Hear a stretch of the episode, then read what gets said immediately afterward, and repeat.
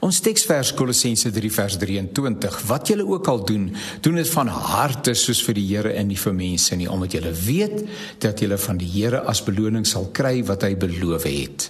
Daar staan 'n video in omloop van 'n seentjie wat Jesus het my mooi gemaak met soveel oorgawe sing en dans. Ag, hy gryp die verbeelding aan.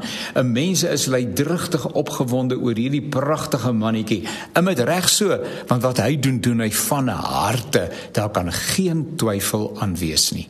En die Bybel praat van die lewensverhouding wat ons as Christus moet openbaar, 'n van harte lewenshouding. Lees gerus Kolossense 3, sommer die hele hoofstuk. Daar's twee opgawes wat telkens uitgebrei word. Die een, 'n gesindheid wat eie belang nastreef. Die wyse van optrede strek God nie tot eer nie, is selfsugtig en maak ander seer. Die ander is 'n lewe onder beheer van die Heilige Gees en dit kulmineer in 'n lewe van dankbaarheid. Hoe dan anders? Die skuld, ons skuld, my skuld is vereffen. Die rekening is betaal. Ek ons het saam met Christus gesterf. Ons is saam met hom begrawe en ons het saam met hom opgestaan.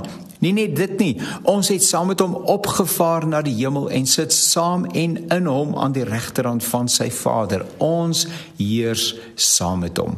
Hierdie korporatiewe persoonlikheid, dis hierdie in Christus gedagte, is oorweldigend as ons die implikasie daarvan begin verstaan. Alles het nuut geword. Die ou is verby, die nuwe het gekom. Gister is verby en die nuwe dag het aangebreek.